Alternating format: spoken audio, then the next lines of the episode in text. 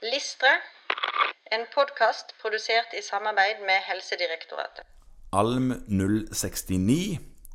Selvstendig kunne innta rollen som medisinsk leder, helse, og kunne samarbeide effektivt med nødetatene i akuttmedisinske situasjoner. Det er ofte lett å tenke seg når man kommer ut på et eh, skadested, som det heter, at eh, man er medisinsk leder Ja, fordi man er legen. Men det er vel ikke nødvendigvis sånn? man skal jo bli enig om hvem som er medisinsk faglig leder. Ja, jeg har stått på et skadested en gang der, og da var det meg. Eh, og så var det legevaktslegen. Ja, og du var ikke legevaktslegen? Jeg nei? var fastlegen. Ja, så du var tilfeldigvis der, eller var det rykt ut fra Det var fryktelig mye nærmere meg enn alle andre. Nei, Ok, ja. Så da var vi der først. Ja. Så det var meg, og så var det en, eh, var det en legestudent. eh, Ja. Og så var det legevaktslegen. Men noe ambulanse kanskje òg? Eh, Så var det to ambulansebiler. Mhm. Og så var det luftambulansen. Oi sann. Eh, Så var luftambulanselegen. Ja. Og så brannvesenet der. Mange kandidater da for å være denne her eh, leder på Så- Ja, helsesiden. og hva er det jeg ønsker å illustrere? Det er jo på en måte at det er ikke nødvendigvis sånn at du er medisinsk leder automatisk. Det må man bli enige om, og det er fryktelig viktig hvis det er flere som ligger sånn og toucher i samme kompetansenivå. Mm. Da blir det jo ofte den som har best erfaring med det, Ja. som gjør den, den jobben der. Og det kan være lurt noen ganger, og så kan det være, må man øve seg òg.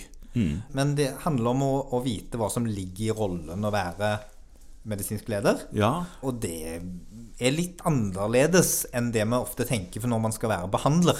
For det, det dette læringsmålet òg eh, fokuserer på, det er det samarbeidet der er på et skadested mellom deg som leder helse, og de andre nødetatene sine ledere rundt omkring. Ja, I tillegg til at du har et ansvar for å styre de medisinske ressursene du har på stedet, på en mest mulig effektiv og hensiktsmessig måte. Ja, og de andre nødetatene på akuttmedisinske situasjoner vil jo være litt avhengig av akkurat hvilken type akuttmedisinsk situasjon det er snakk om, Og, og hvor du befinner deg i landet. og, og hvor du befinner deg i landet, ja, tilgangen på ressurser. Og så, så er det en ting som, som vanlig i gårsøgne legevaktlege eller eh, fastlege, så er man antageligvis minst trent på sånn militær eh, organisasjon av alle som er på det stedet. Mest sannsynlig, Ja. med mindre man hadde tjenesten sin i militæret. I så fall et unntak. Ja. Så her skal man på en måte ikke tenke at dette er noe man kan, og man må øve. Eh, Man kan komme opp i sånne situasjoner og få øvd i forbindelse med, med legevakter. Og så blir dette gått gjennom teoretisk og øvd på på eh, legevaktskurs og akuttmedisinsk kurs. Og så skal det gjøres trening på disse kursene. Det er faktisk oppført som en egen læringsaktivitet. Og disse akme- akuttmedisinske kursene har egne sånn scenariotreninger. Der man øver seg på å være leder.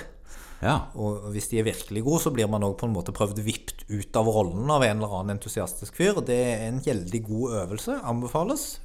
Selv om det er ubehagelig. ja, og lett frustrerende. Ja. ja.